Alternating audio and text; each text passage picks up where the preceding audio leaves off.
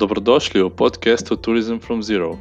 Namenjen je vsem, ki želite izvedeti več o slovenskem turizmu. Moje ime je Rudi Medved, pridružili pa se mi bodo sogovorniki, ki bodo delili svoje osebne izkušnje, kako prispevajo k razvoju slovenskega turizma.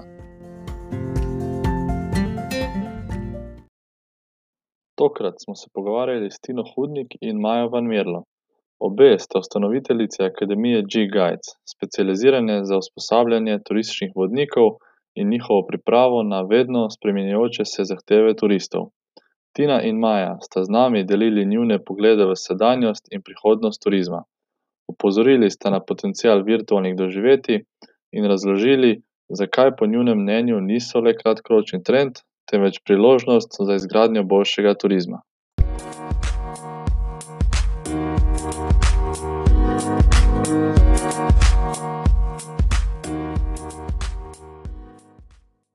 Živijo Tina, živijo Maja. Živijo. Zdravo. Uh, a se lahko za začetek obe predstavite in povete malo, s čim se ukvarjate? Uh, ja, seveda. Moje ime je Tina Hudnik in sem soustanoviteljica G-Guides, ki je organizacija, ki je na trgu že deset let in se ukvarjamo predvsem z izobraževanjem uh, turističnih profesionalcev. Ja, jaz sem pa drugi del tega tima, moje ime je Maja Van Mirlo, tudi so ustanoviteljica uh, G-Guides in v bistvu pri G-Guides skrbim predvsem za to, da implementiramo akademske kriterije trajnosti v prakso. Tako kot je Tina rekla, naša glavna dejavnost je to, da izobražujemo vse ljudi, ki delajo v turizmu, ki se trudijo za to, da gre turizem v bolj trajnostni smeri in mi smo tukaj zato, da na tem področju tudi pomagamo. Super, zanimivo.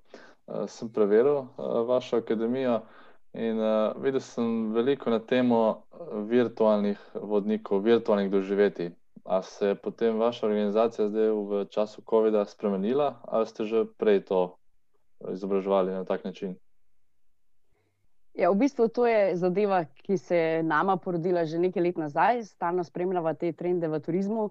In nekoč smo se pogovarjali, kako bi pravzaprav izgledal turizem prihodnosti. Zdaj bo to stalno tako, kot je, ali v katero smer se bo nekako turizem odvil. No, in že pet let nazaj smo rekli, da ja, nekoč bo prihodnost virtualna. Zdaj, v tistem času smo imeli predvsem v mislih ljudi, ki jim drugače ni omogočeno, da potujejo na različne destinacije, morda zato, ker se fizično ne morejo tja premakniti, ker si ne morejo privoščiti, ali pa zaradi tega, ker imajo destinacije same neke omejitve na teh področjih, pa zato ne morejo vsi priti tja. No, vendar naslednjih pet let smo potem nekako nismo imeli časa, da bi se temu popolnoma posvetili. In moram reči, da ta glavni shift je prišel nekako letos, potem eh, februarja, konec februarja, ko smo imeli že obe dve blokirane karte za ITB Berlin, največji turistični sejem. In eh, so ga potem kar na vrat na nos, teden, pred začne, teden dni pred začetkom, so ga odpovedali. No, in takrat smo rekli, poglej, uh, mislim, da je to zdaj ta moment, turizem se bo ustavil, tako da zdaj je na nama, da probava pomagati z vsem tem znanjem, ki ga imamo v industriji, se pravi, da implementiramo zdaj to virtualno vodenje tudi v realnost. In praktično v toku naslednjih nekaj dni smo pripravili tečaj, kako izobraziti in pripraviti turistične vodnike in druge, druge turistične profesionalce, na kakšen način se lahko zdaj njihove ponudbe prelijajo v splet, se pravi, kako lahko še vedno ponujajo svoje storitve. In to smo začeli s tečajem za virtualnega turističnega vodnika. Kako pa izgleda ta tečaj, kako je drugačen od navadnega, uh, recimo klasičnega tečaja za vodnike? Ja, precej, uh, ker tudi turizem se je precej spremenil, uh, seveda gre čez za drug medij. Zdaj, klasični tečaj za vodnike, to je tudi en tak pojem, ki ga pravzaprav niti ne moramo opredeliti. Ampak tukaj gre predvsem za to, da vodniki v virtualnem svetu potrebujejo popolnoma druge kompetence, kot jih potrebujejo, kadar vodijo ture v živo. Recimo, in tukaj smo mi zato, da pomagamo, zato ker smo kmalo videli, da ta transformacija ne bo lahka za veliko, veliko večino vodnikov. In pravzaprav tukaj gre za to, da mi dajemo podarek na veščine, ki jih vodniki do zdaj niso imeli, ker jih tudi niso potrebovali, ampak zaradi tega novega medija, se pravi virtualnega sveta, potrebujejo te veščine in mi smo tukaj zato, da jim pomagamo jih usvojiti, da jih vodimo čez to transformacijo in zaenkrat odzivi so zelo pozitivni. Super, zelo inovativno. Uh, kakšne pa so te kompetence, ki bi jih lahko imel ten vodnik, da izvede res eno dobro uh, vodenje preko spleta? Kako se mogoče tudi razlikujejo od tistih, ki jih rabiš za neko navadno fizično vodenje? Ja, se ni, veste, se ni toliko to, da rabite čist en drug nabor znanja in tako naprej. Vse znanja vodniki imajo dovolj, znanja imajo vodniki preveč, mogoče včasih. Um, in si želijo povedati vse naenkrat, uh, zdaj je pa treba čisto od tega, da je treba prilagoditi format. Tako da pravzaprav to se začne že prej, preden začnete vi voditi turo. Pravzaprav je treba ture tudi na novo narediti, zato ker taj, te turistični produkti, ki so bili prej na trgu ali pa ki so bili recimo na trgu za turista, od včeraj, te zdaj pravzaprav v virtualnem svetu nam bolj malo pomagajo. Tako da gre za to, da je treba razviti nov produkt, mi jim tukaj na tem delu pomagamo. Ne? Vse od začetka, kako naredijo pač research, kdo je njihov ciljni kupec, kako ga naslavljati, kako z njim komunicirati in tako naprej. Potem je tukaj seveda tehnološka pismenost, če lahko tako rečem, tukaj so vodniki kratki, pa tudi na splošno bi rekla, da veliko je takih v turizmu, ki so kratki na področju tehnološke pismenosti, če je to en termin, ki ga lahko uporabim tukaj na tem mestu, mi jih vodimo čez ta del morda, in pa potem je ta storytelling, o katerem vsi govorijo zadnjih par let, da je storytelling bistvo vsega, vsi govorijo zgodbe, vsi zgodbarijo, ampak tukaj tudi vidimo, da prvo, veste, ni vsak zoom klic, uh, virtualna tura. In ta storytelling, se pravi način, kako ti eno zgodbo poveš v virtualnem svetu, je popolnoma drugačen od tega, kako jo ti poveš, ko imaš človeka pred sabo, ko imaš več ljudi pred sabo. In to so mogoče tiste glavne stvari, ki bi jih izpostavila, ker so res te. Pereče teme, ali pa največji del te transformacije, ki jo morajo vodniki narediti, in kjer mogoče so koraki najtežji. Ja, tudi jaz bi rekel, da je res ta eh, način, kako predstaviš na Zoomu, ker že vidimo pri nekaterih eh, predavanjih ali pa izobraževanjih. Ne, eh, če ti predavaš na enak način kot fizično, ne verjamem, da je isti učinek. Ne, zato, ker v predavalnici že lahko nekaj tudi z mimiko nakažeš in tako naprej. Preko spleta se mi zdi, da je pa veliko teže to. Seveda, veste, komunikacija je živa stvar ne? in komunikacija je nekaj, kar se razvija skozi čas. To je ravno tako, kot smo šli vem, iz tega, da smo si pisali pisma, do tega, da smo govorili po telefonu. Veste, ni, ni enako. Ne? ne govorite enako, kot pišete, ravno tako ne govorite enako po mobilnem telefonu, kot po stacionarnem telefonu. In to je čist naslednji korak v evoluciji komunikacije. Prej to človek spozna, lažje je, in predvsem hudo je to, ker ljudje to zanemarjajo in ne podarjajo, ne dajo dosti podarka. Tako kot ste rekli, ravno tako je pri predavanjih. Sej tudi vidimo, mi smo tudi na konferencah in tako naprej. In je, eni so ta korak že naredili, eni ga delajo, eni ga bojo pa še naredili. Ampak ta mm. evolucija in proces je nujna. Se strinjam. Ja. Zdaj, COVID je verjetno sam še pospešil ta proces, ne? da se še hitreje razvijamo v tej smeri. Tako, definitivno. Ja. Eh, pa se mi zdi, da se je ciljna publika, če gledamo tisti, ki bi šli na eno fizično vodenje, a je drugačna od tiste, ki bi šli na eno virtualno. In katera je ta ciljna publika, ki jo morajo nagovarjati, ti, ki izvajo uh, virtualna vodenja? Ja, zdaj, mogoče tukaj jaz, pa če bo Tina pol še kaj dodala. A veste, m, zdaj, a je drugačna ali ni, um, niti ni nujno. Uh, in tukaj tudi bom rekla tako, zdaj nam je cel svet na dlani, tako vodnikom, kot destinacijam, vsem akterjem v turizmu, je kar naenkrat cel svet na dlani. In za nekoga je to mogoče celo um, kako bi rekli temu, overwhelming, ne, je mogoče tega celo veliko. Zdaj je treba drugače to ciljno publiko izbrati. Prej smo zbirali med ljudmi, ki so na destinaciji že bili, ki so sem že prišli in so nekako na ključju verjeten prišli na našo turo. Zdaj je treba pa mogoče malo bolj definirati tega končnega kupca. Vse te marketinške raziskave, ki so bile prej, kdo je persona in tako naprej, to je v bistvu zdaj vse popolnoma zastarelo in je treba tega končnega potrošnika izbrati na novo. Tako da ni to, da so to drugačni, ampak več produktov je treba razviti za več končnih ciljnih skupin. Te segmenti so manjši, so bolj nišni in ta personalizacija, o kateri vsi govorijo, ne, to zdaj res pride do izraza. Vi ne morete več narediti produkta, one, one size fits all, uh, zdaj res ni več vzdržen. In vsi tisti, ki bodo ta aspekt zanemarili, se pravi, bomo rekli, okay, za koga mi delamo, za vse, ki pridejo. Uh, To zdaj absolutno ni več vzdržno, o tem smo sicer že prej govorili, ampak na, v praksi smo videli, da je predvsem v to še vedno usmerjen product development, zdaj pa to enostavno ne zdrži več. Zdaj je pa treba konkretno definirati, a veste, po različnih parametrih, treba konkretno definirati tega končnega potrošnika in prav za njega narediti turo. In mogoče nekdo, ki je imel prej dve ture, ki jih je delal za vse tiste, ki so prišli, bo zdaj iz tega mogoče mogel narediti, ne vem, 15, 20, 30 tur za 15, 20, 30 različnih končnih kupcev. Ja, če lahko še jaz tukaj dodam, v bistvu zelo veliko je te, tako kot je Maja rekla, ne, personalizacije tukaj vsak produkt mora biti popolnoma prilagojen temu končnemu potrošniku. In res je, da baza je veliko večja. Ne? Se pravi, bazen ljudi, iz katerega mi lahko zdaj vlečemo te naše potencijalne stranke, je večji, ampak se je treba zavedati, da je tudi konkurenca na drugi strani precej večja. Tako da ponudnikov teh uh, virtualnih storitev je tudi zdaj skozi zadnjih nekaj mesecev malo morje in nekateri ponujajo svoje storitve brezplačno, drugi spet te uh, usluge zaračunavajo. Ene so srednjega cenovnega razreda, ene so višjega cenovnega razreda, tako da je odvisno tudi od vas, kako se boste, eh, kako se boste pozicionirali, ne? kakšna je tista vaša dodana vrednost, kako boste vi prepričali potrošnika. Pa tukaj se mi zdi mogoče tudi uh, zelo pomembno, v bistvu to, da ko govorimo o ljudeh, ki grejo na virtualne ture, tukaj mislim, da imamo eno odlično priložnost, da uporabimo te virtualne ture kot neke vrste PR za destinacijo, pa za sebe, ker to je odlično marketinško urodje. Tudi, če se pogovarjamo o tem, v katero smer se bo turizem v prihodnosti razvil, odvil, bomo videli, da eh, ljudje, če bodo bili pripravljeni porabiti veliko denarja, da se bodo fizično premaknili na neko destinacijo, samo down the line v prihodnosti, da bodo potem potrebovali eno zagotovitev, da bodo imeli človeka na destinaciji, kateremu že zaupajo.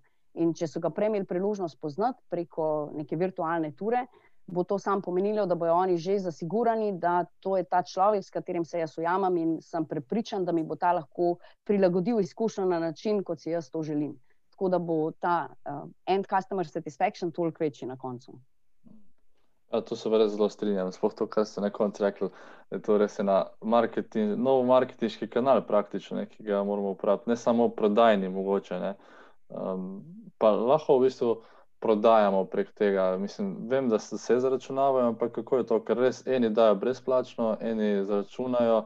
Kako je tako, mislim, kdo lahko zaračuna, kdo ne, pa za kiro lahko več, za kiro manj. Ja, ja, tukaj bi spet rekla, da uh, se vrnemo na vprašanje, ki ste ga postavili na začetku, ne, uh, pozicioniranje, tako kot je Tina omenila. Veste, eno je to, treba se najprej zavedati, kakšen produkt imate. In koliko ste, kje v tem ciklu, recimo, do kje ste prišli. Je pa tako, da kdo je vaš končni potrošnik? Ljudje danes.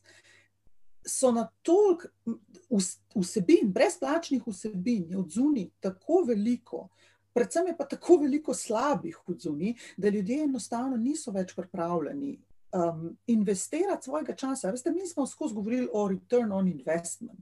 Zdaj je veliko bolj pomemben return on time. Kaj jaz dobim za moj čas, ki ga vam namenjam, da vas poslušam?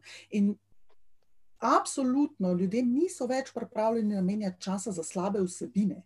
In tukaj se dela zdaj ta razlika. Ne? Slaba vsebina je čisto vseeno, bo za ston ali boste jim dali še pet evrov zraven, vas ne bojo poslušali, ker ljudje enostavno niso več pripravljeni investirati tega časa. Na drugi strani je pa seveda to, da vi delate ene dobre vsebine, da imate vi en produkt, ki naslavlja konkretnega, končnega kupca, je pa on za to pripravljen tudi plačati. In to, da on plača, je seveda zagotovilo, da bo dobil dobre vsebine. Je pa seveda to samo enkrat. Ni to, to kar velikrat vidimo, ne se pravi, aha, ok, višja cena.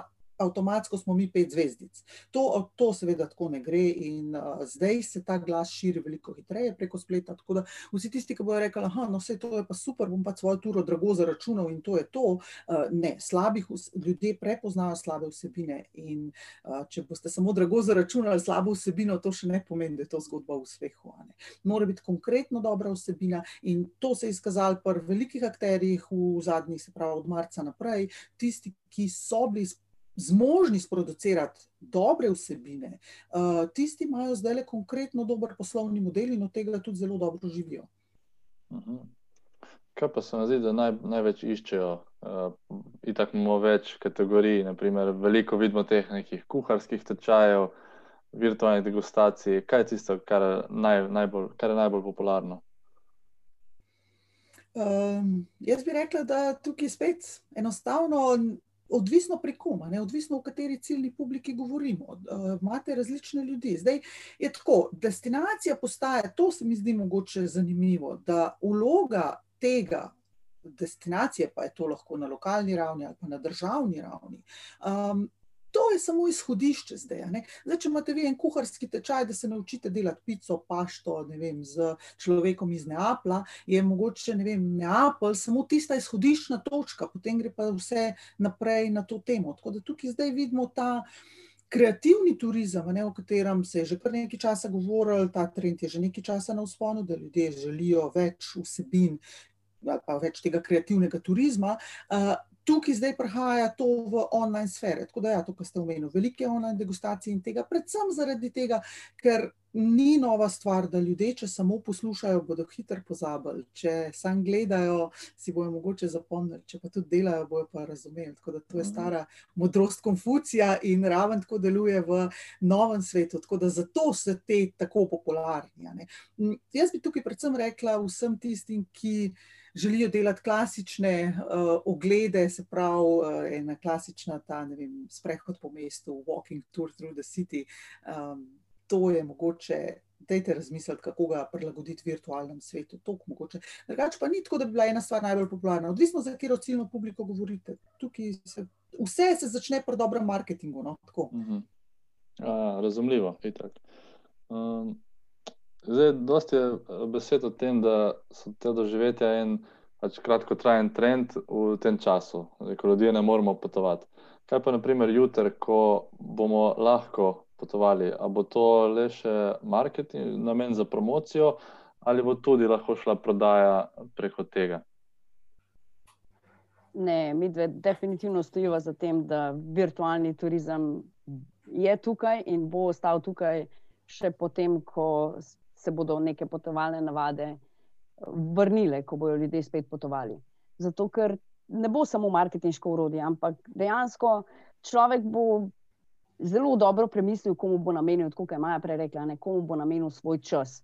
In ena taka mehna investicija v neko virtualno turo, zato da ti spoznaš, zdaj prej smo rekli osebo, ki bo s tabo na destinaciji, ampak prav tako, da ti spoznaš destinacijo. Ne. Tukaj se lahko zdaj ljudje preko virtualne ture first hand prepričajo, kakšna je ta destinacija. Je res taka, kot jih pumpajo, kot jim kažejo neke, neki socialni mediji, kot vidijo na slikah, kot berejo v časopisu.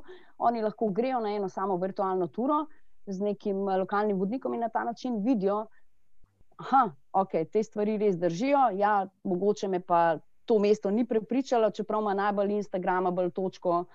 Ki ima več kot 10.000 lajkov na Instagramu. Ne? Ampak je to samo en tak mečkan segment, pa pa, se pa sprehod po celem mestu, pa vidite, ok, mogoče mi je celo mesto všeč, mogoče mi ni celo mesto všeč. In nasplošno za destinacijo kot celo, pa zdaj ne govorimo samo za mesto, ampak eh, tudi širšo regijo, eh, celo državo, bo to zelo, zelo pomembno urodje, ki se ga splača izkoristiti na dober način.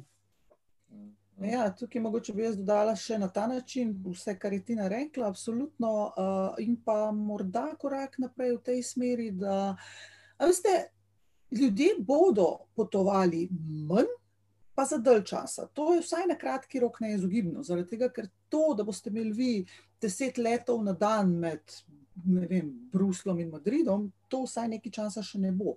Kar pomeni, da neizogibno ljudje bodo potovali manjkrat, pa takrat za dalj časa. Kar pomeni, da na ene destinacije mogoče niti ne bi potoval za 14 dni, bi pa šel na virtualno turo. Tako da mogoče je tukaj odgovor na to vaše vprašanje, da ljudje bodo za določene destinacije izbrali virtualno turo in jim bo to morda dovolj. Mhm. In tukaj tudi vedeti treba, da ljudje se bodo v času, ko so doma, ne, najedli Netflixa, ker bodo pogledali vse serije, pa vse filme, ki tam so, in bojo rekli, veste kaj, mogoče bi pa tako z družino ali pa s partnerjem zvečer nam zdaj pogledamo en dober film, zakaj ne gremo mogoče, ne vem, v Sierra Leone na virtualno turo.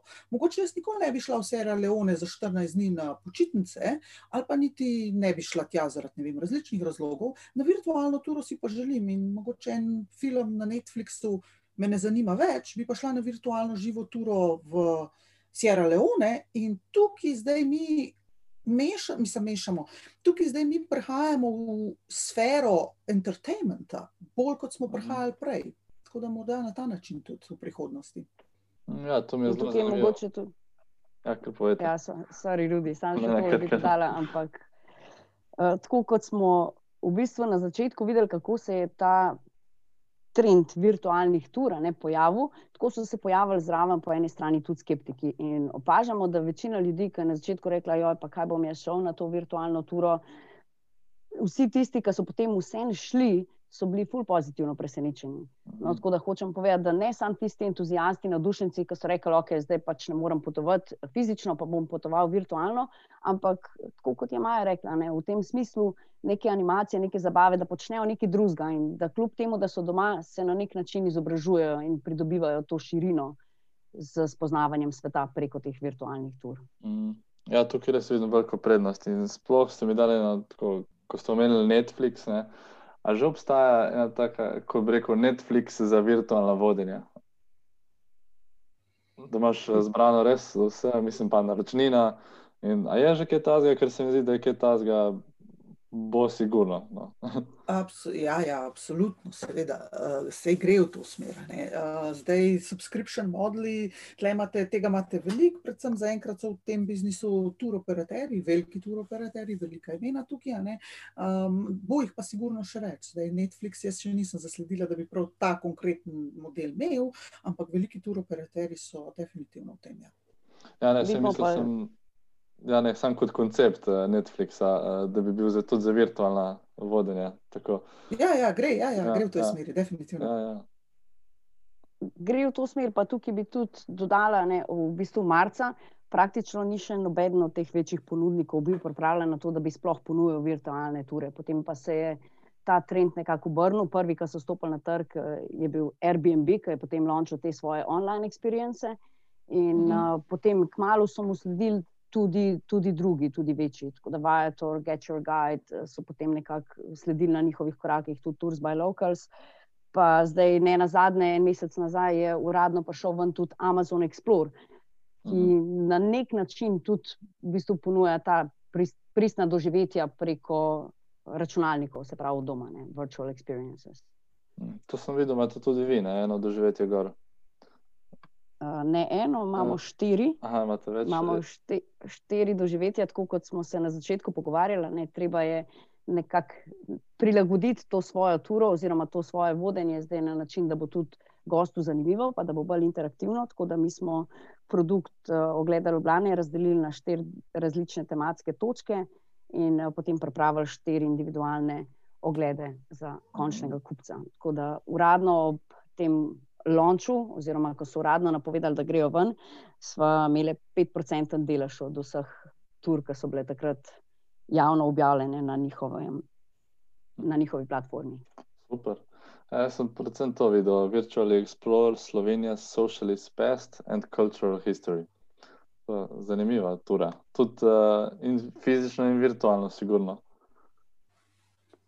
Ja, to ja. je definitivno ena. Ne? Mi dve smo tukaj pogledali v bistvu na, na našega končnega kupca, glede na to, da Amazon trenutno ponuja te svoje storitve kupcem v Ameriki. Smo potem temu primerno tudi mi dve prilagodili produkte in jih pač dali na trg. Ne. Ta mm. Explorer Slovenija s Socialist Pest je kratka, interaktivna 30-minutna predstavitev tega dela zgodovine. Kako pa ste to posneli, pravi, oziroma kako izvajate to? No? Eh, na kak način se sprehodite čez mesto, eh, kakšno tehnologijo tudi uporabljate? Ja, tukaj gre predvsem za to, da to je partnerstvo z Amazonom. Tako da tukaj to, um, ne, more to, ne morete zdaj to uporabljati, kar ne vem, jutra. Ne. Oni, uh mhm. -huh. to, to je njihova tehnologija, Aha. zato ker oni delajo, oni delajo za svoje kupce, ne, za svoje kupce v Ameriki, so na, za ta način tudi razvili tehnologijo. Tako da za te konkretne ture uporabljamo njihovo tehnologijo, uh. -huh. za ostale svoje pa, pa svojo, ne pa drugo. Ampak je, je treba dati poudarek tudi na tehnologiji ko greste v virtualni svet. Uh, to, da vzamete, mislim, da danes mobilni telefoni so zelo dobri. Tako da to, da vzamete mobilni telefon, ga vzamete v roko, si sprehodite okrog, to ne bo. Ne bo dovolj, no, tako bom rekla. Mm. Tukaj se vračam na tisto, kar sem prej rekla. Lahko to naredite, seveda, absolutno. Sej, če imate, spoh, če imate dobro povezavo, kar je tudi, zna biti včasih težava v Sloveniji, ampak recimo, da se to da, je tako, da premalo bo, no? premalo bo. Enostavno tukaj bo težko doseči en tisti učinek, da res človek na koncu reče: Wow, to je pa res bilo to. Tako da tehnologije je treba kar prepisati. Mm. Uh, mogoče je to tudi največji vložek finančni. Ja, itak, ne, ker res vsak lahko danes to ponuja. Ne. Vsak se lahko doma usede za računalnik, pa na zumu naredi eno vodenje. Ampak tisto wow, pa sigurno bo mogel vsak in tukaj bo pač trg pokazal. Eh, kdo res dela boljšo, boljšo vsebino. No. Tako, Tako, tukaj se ja. bo naredila ta razlika. In jaz sem vesela, da zdaj prihaja tudi uh, ta. V spredje je še bolj to, kot ste rekli. Vsak ima računalnik, vsak ima doma Zoom. Uh, tudi na Zoomu, gledite, zelo dobre virtualne ture. Jaz sem na parih mind-blowing turah, absolutno. Ampak mhm. tukaj se bo pokazalo še nekaj. Tukaj se bo pokazalo to, kdo je pripravljen, zmožen in zainteresiran vlagati svoj čas v to, da nadgrajuje svoje znanje, v to, da res dela nekaj perfektno. Veste. Zdaj, ker je bilo turizem, je bila pač najhitreje raztoča panoga in tako naprej, da ne ponavljam teh številk, ki jih verjetno vsi vejo, vaši poslušalci, ampak. Veste, zakril, zakril se je zadnja leta to, kdo je dober in kdo ni dober. Zato, ker je bil demand, se pravi, povpraševanje, po bilo enostavno tako veliko, da je pač vsaka vsebina je nekako dobila svoje mesto, če ravno je bila slaba. In jaz sem iskreno vesela, da zdaj to enostavno ne bo več možno. Ja, to, to bi se pa strinjal, ja, res, ker je bilo toliko ena masa ljudi, ne, da že karkoli si ponujil, kakršno koli vodenje ali pa recimo restauracija, bar, karkoli, si pač imel dost prometa, ne, tako rečeno. Zdaj bo pa res, po mojem, bolj več selekcije, se pravi, bomo res iskali tisto, kar kot ste prej rekli, tudi eh, kar največ dobimo za naš denar. Uh, jaz bi tukaj vas mogla popraviti. Mislim, da ne. Mislim, da bomo iskali tisto, ne, kar največ dobimo za naš denar. To je bilo prej, ja, to je bilo definitivno. Mislim, kvaliteta, Zato, največ kvalitete. Uh, kaj dobimo za svoj čas? Kaj dobimo za svoj uložen čas? Jaz mislim, da je to ključno ključno, ključno za razvoj v prihodnje, pa ne samo v turizmu, ampak na splošno. Uh, nizka cena ne bo več tisto, kar bo prepričal. Prepričal bo, kaj mi dobimo za to, uh, koliko smo mi, ne vem, bogatejši, noter, vse, koliko več znanja smo dobili, kakšno širino, ali smo imeli to interkulturno izmenjavo, ali imamo v drugo kulturo zaradi tega, ali smo pač sam videli. Veste, kar se danes vidi, YouTube filmčke še vedno lahko gledate. Tako da, če bo nekdo samo pokazal mi mesto, enostavno to mi ne bo dovolj, ker jaz lahko grem na YouTube in si ogledam to mesto že na YouTubu, ne rabim za to iti na virtualno turo. Na virtualno turo grejo ljudje zato, da kot ti najprej omenjala, zato da se bojo izobrazili, da bojo bogatejši, da bojo zgradili ta most med dvema kulturama. Ampak zato, da se to naredi, pa rabite vi enega facilitator, ne vem, pač to, e, vi rabite en medij, ki ima to znanje, da to naredi. In tukaj se bo delala ta razlika. In ljudje bodo začeli gledati ne na return on investment in terms of money, ne, če tako rečemo, se pravi, mhm. nekaj dobijo za svoj denar, ampak return on time. Se pravi, to, da jaz vas eno uro poslušam, kaj mene kot človeka, uh, kako mene to obogati. Tako da to se mi zdi ključen, ključen uh, preskok, ki pa mislim, da bo kar dolg časa trajal, da bodo vsi ponudniki v turizmu to lahko razumeli, zato ker smo bili toliko časa navajeni, nižja cena, prva bi več gostov. Pa ne vem, če bo to še res. Mm. Ja, to, to je, se mi zdi ključno.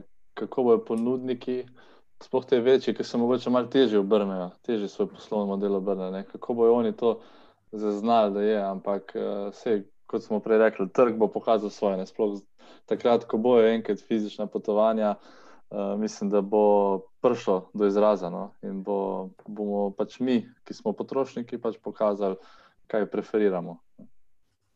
Jaz sem videl tudi, da so neke licence za virtualno vodenje. A mora imeti, uh, oziroma je obvezno ali pa priporočljivo, da ima ta vodnik, ki to izvaja, neko licenco? Ali pa sploh obstaja kakšna licenca za enkrat za virtualno vodenje? Glede na to, da je to tako nova stvar, ne, seveda tudi uh, tukaj bi mogli reči, da to zaenkrat še ni zakonsko regulirano, ampak mm. pri GGIC Academy smo v bistvu s tem tečajem, ne, ko vas spravimo od tega, da imate samo neko idejo, da vas spravimo do tega, da svojo idejo tudi implementirate in ste pri tem prilagodili uh, oziroma pridobili vsa znanja, ki so za to potrebna. Na koncu pa v upravljenem tečaju izpitu dobite tudi licenco, da ste zdaj virtualni vodnik. In uh, v bistvu mi smo prvi inštitut, ki je začel te licence izdajati.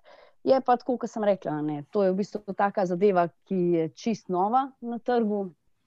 In uh, vodnik kot vodnik v takem načinu, kot smo poznali turistične vodnike prej, zdaj ne obstaja, tako kot je Maja prej rekla. Ne. Tukaj je res vodnik veliko bolj v vlogi tega facilitatorja ni zdaj naša naloga, da imamo tak podarek na, na sebi, kot na vodniku, kot na osebi, ki vse to predstavlja, ampak mora biti podarek na tem, da se celostno zapakira izkušnjo za to, da je uporabniku prijazna in da v bistvu njemu naredi tako izkušnjo, da se bo rad in z veseljem vrnil.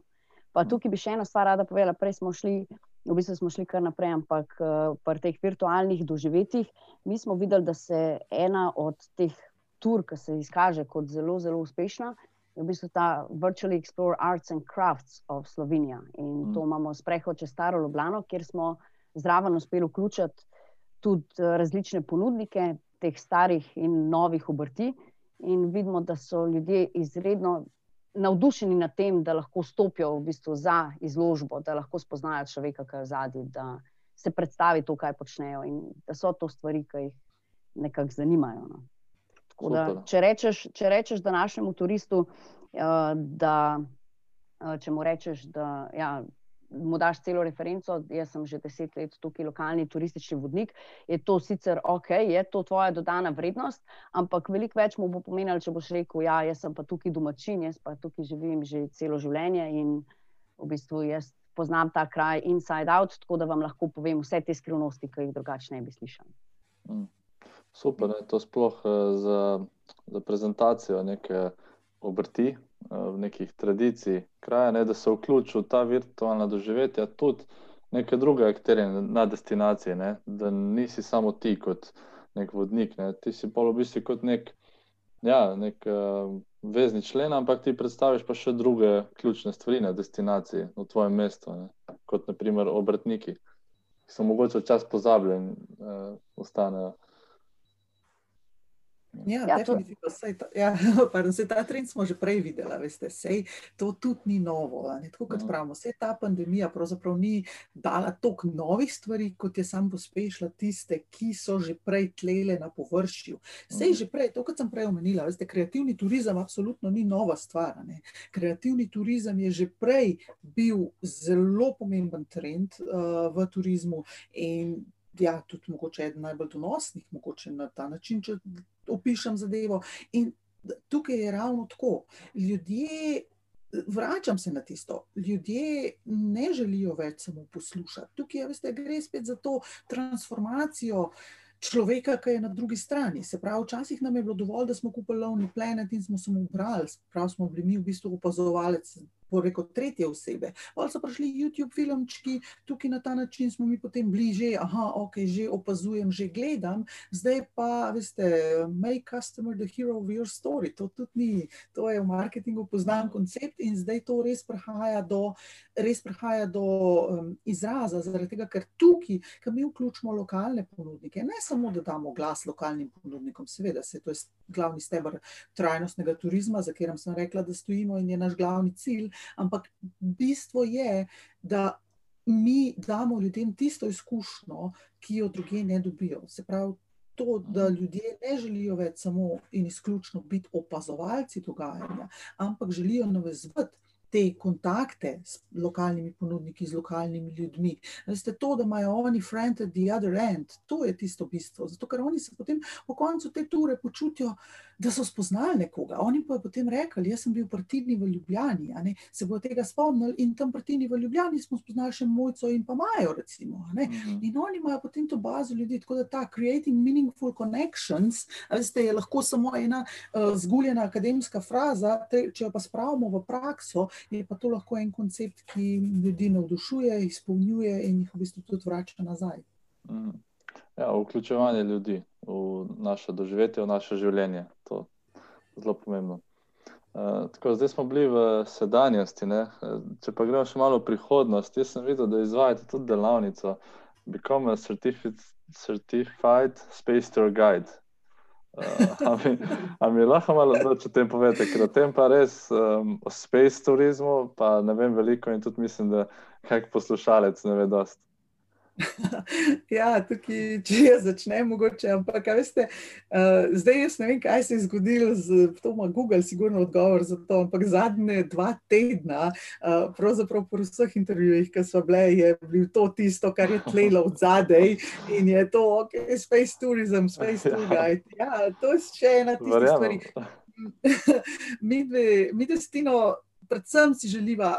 Skozi gledati v prihodnost, ker pač to je ena tista stvar, ki mislila, da v, da v poslu je pomembna. Ne? In ne veste, mi se veliko pogovarjamo, mi se tudi z velikimi ljudmi pogovarjamo. In potem, uh, več, ko se pogovarjaš, več, ko opazuješ, uh, bolj ti možgančki brbotajo. In ja, tako je prišla tudi mhm. enkrat, da so rekli, veste, mislim.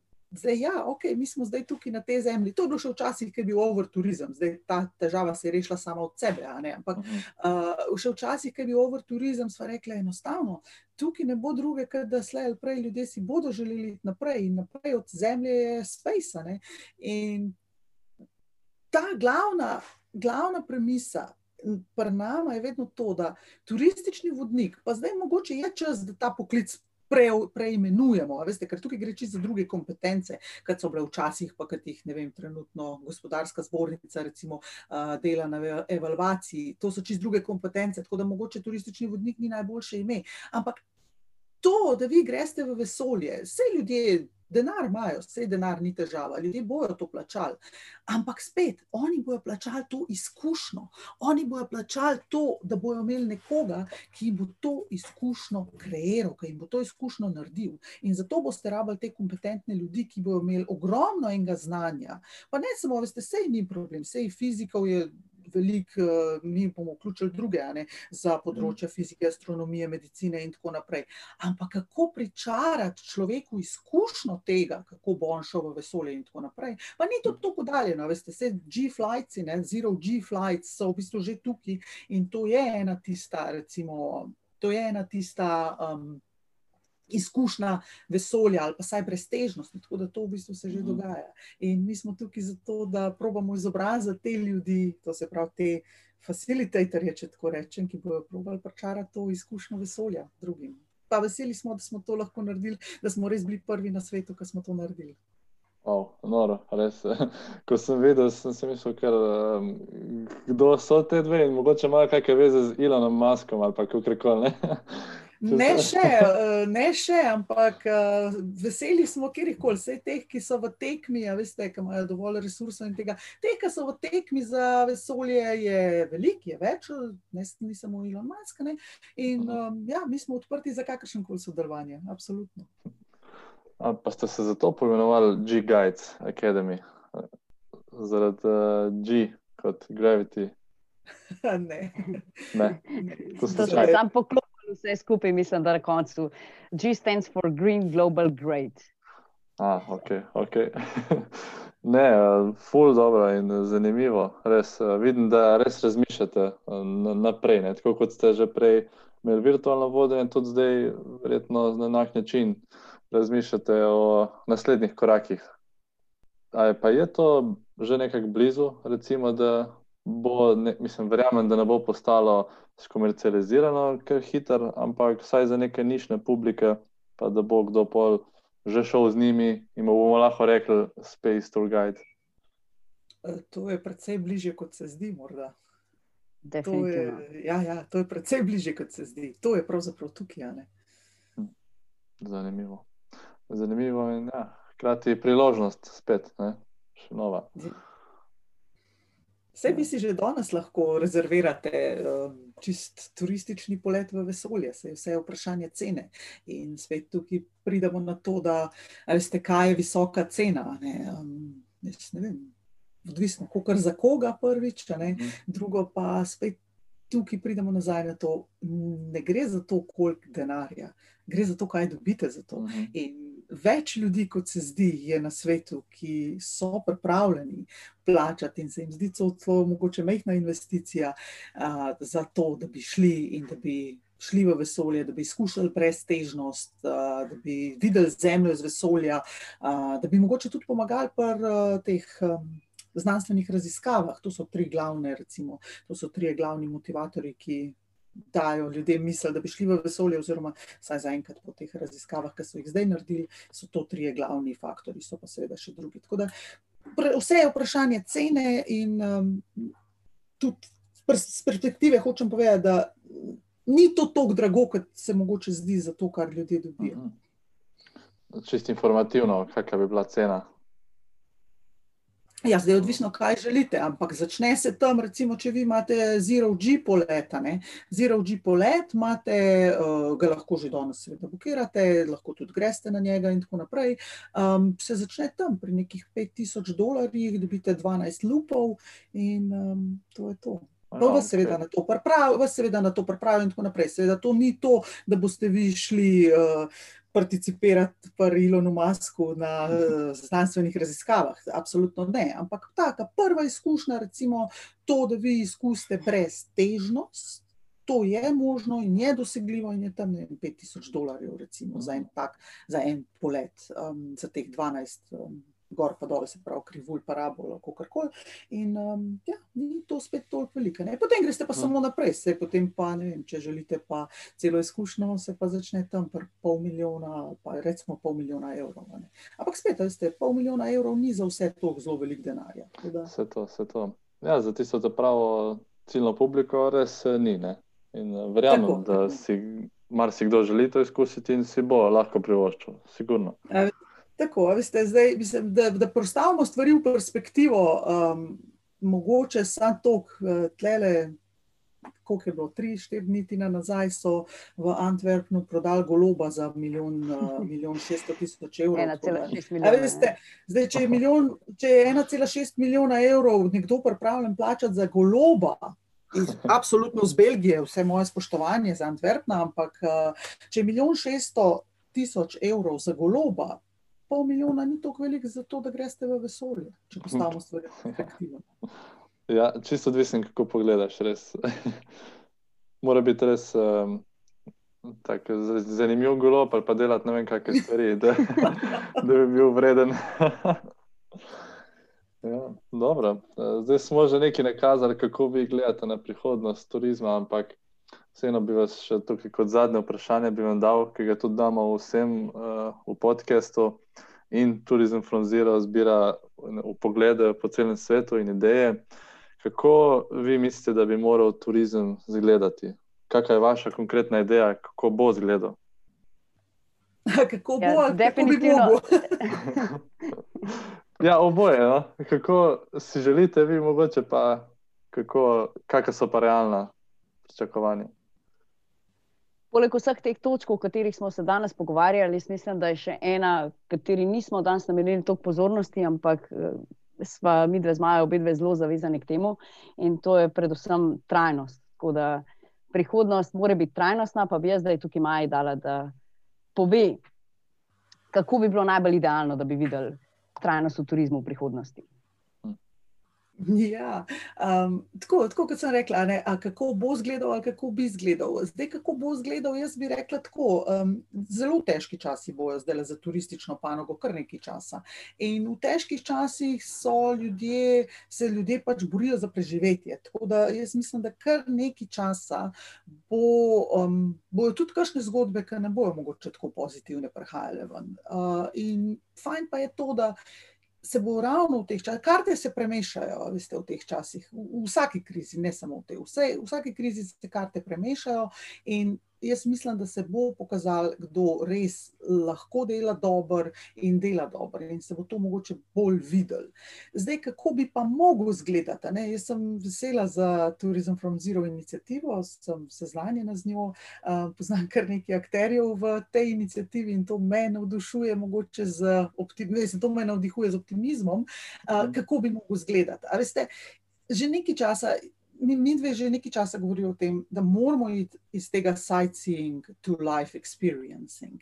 In zdaj m, jaz sem vesela, da vidim ali pa tudi slišim od drugih, da bomo potovali manj, pa za dalj časa. Kar pomeni, da bomo prišli od tega, da boste samo, ne vem, šli za štiri dni v Moskvo, tam par stvari pogledali in šli nazaj, zaradi tega, ker to je prekratek čas, da vi dejansko imate en uvid v kulturo. Uh, prekratek čas, da vi dejansko nekaj pozitivnega doprinesete k sami obiskani destinaciji, um, hkrati pa dovolj časa, da naredite vse, kar lahko naredite negativnega za destinacijo. Tako da to, da bomo ljudje potovali manj in za dalj časa, jaz upam, da bo, mislim, bo definitivno prineslo to, da bomo postali mogoče začasni prebivalci. Veste, zdaj kar nekaj držav je že dal ven te začasne vize, želi, vse več ljudi bo digitalnih nomadov, delali bojo od kjerkoli. Te ljudje bodo iskali mogoče ene nove izzive, bojo šli za dva, tri mesece, pol leta nekam na eno drugo destinacijo. To bo turizem prihodnosti, to so turisti pravzaprav. Ne? Ampak to so kratkočasni prebivalci. In če jih bomo uspeli kot take imeti, uh, in če jim bomo dali, to je pa zdaj seveda na destinacijah samih, na vseh ponudnikih, ki so tam, na vseh deležnikih v turizmu, a bomo znali narediti tako, da bomo tem ljudem dali možnost, da pozitivno vplivajo na destinacijo. Ker turizem ima ogromno enih pozitivnih učinkov, ki so bili mogoče manj vidni v zadnjem času, um, pa jaz upam, da bojo v prihodnosti. Tukaj bi jaz definitivno apelirala na to, da 17 ciljev trajnostnega razvoja, ki so jih dali ven Združeni narodi, se še vedno premalo uporablja, predvsem zaradi tega, ker ljudje, se pravi, deležniki v turizmu so premalo s tem seznanjeni, premalo vejo, kaj dejansko pomenijo te trajno, cilji trajnostnega razvoja, kako konkretno jih spraviti v prakso. In tukaj nas to vrne nazaj, kot smo rekli. Najno glavno poslanstvo je, da v bistvu te kri, akademske kriterije, ki znajo biti dosti komplicirani za enega konkretnega lokalnega ponudnika, um, prevedemo v en tak jezik, da ga, da ga te ljudi lahko razumejo in ga potem tudi spravijo v prakso. In jaz upam, da, da ta turizem prihodnosti nam bo omogočal to, da bomo dali na minimum negativne učinke in da bomo dali na maksimum pozitivne učinke. Uh, je, pa pot, je pa to dolga pot, ne bo šlo čez noč in glavna stvar, ki bo delala razliko, je znanje, znanje, znanje. In znanja zaenkrat uh, na to temo je premalo, na splošno v globalnem svetu, v globalnem merilu. In zato, ker ni bilo časa, enostavno ni bilo časa za, za vlagati v znanje, ker je bilo preveč mikavno to, da smo vlagali v profit zdaj imamo pa ta čas in uh, jaz upam, da bodo zmagali tisti, ki bodo ta čas uložili v znanje. Super, zato je tudi ta podcast, da širimo to znanje. lepo, lepo, vse zato smo rekli, da je to krasna inicijativa in smo uh, iskreno veseli, da ste uh, vstopili v stik z nami. Ja, hvala vam, res za take res um, uh, vizionarske poglede, ki ste jih dali. Ker, um, nekaj novega bo, mislim, da za vsakega lahko v tem pogovoru. In uh, bomo tudi eh, objavili povezavo do G-Guides Academy, če bi kdo želel mogoče postati Space Tour Guide. Absolutno. Super, super, bomo veseli. Tako. Pa na ne Facebooku sem... imamo spletno stran uh, Green Guides, tako da lahko všečkate, pa tudi tam spremljate, kaj super. bojo pri projekti prihodnosti. Tako, v vsakem primeru uh, vedno odprte za pogovor, vedno odprte za nasvete. Tako da, uh, komorkoli se zdi, da, um, da bi karkoli od nas potreboval, uh, don't be a stranger. Odlično, super. Hvala vam res za ta pogovor in srečno pri vaši akademiji in pri širjenju znanja. Hvala vam, vam pa enako veliko uspeha pri Tourism from Zero. Hvala, hvala. Hvala. Lepo se imejte. Hvala, adijo. Lepo, Adijo. lepo se imejte, čau. Nasvidenje. Hvala vsem, ki ste poslušali današnjo epizodo. Če vam je podcast všeč, ga prosim delite naprej na vaših družbenih omrežjih. Prav tako vas vabim, da se pridružite in sledite iniciativam Tourism from Zero in Locals from Zero, ki imajo pripravljeno ogromno zanimivih in koristnih vsebin z področja turizma. Se slišimo v naslednji epizodi.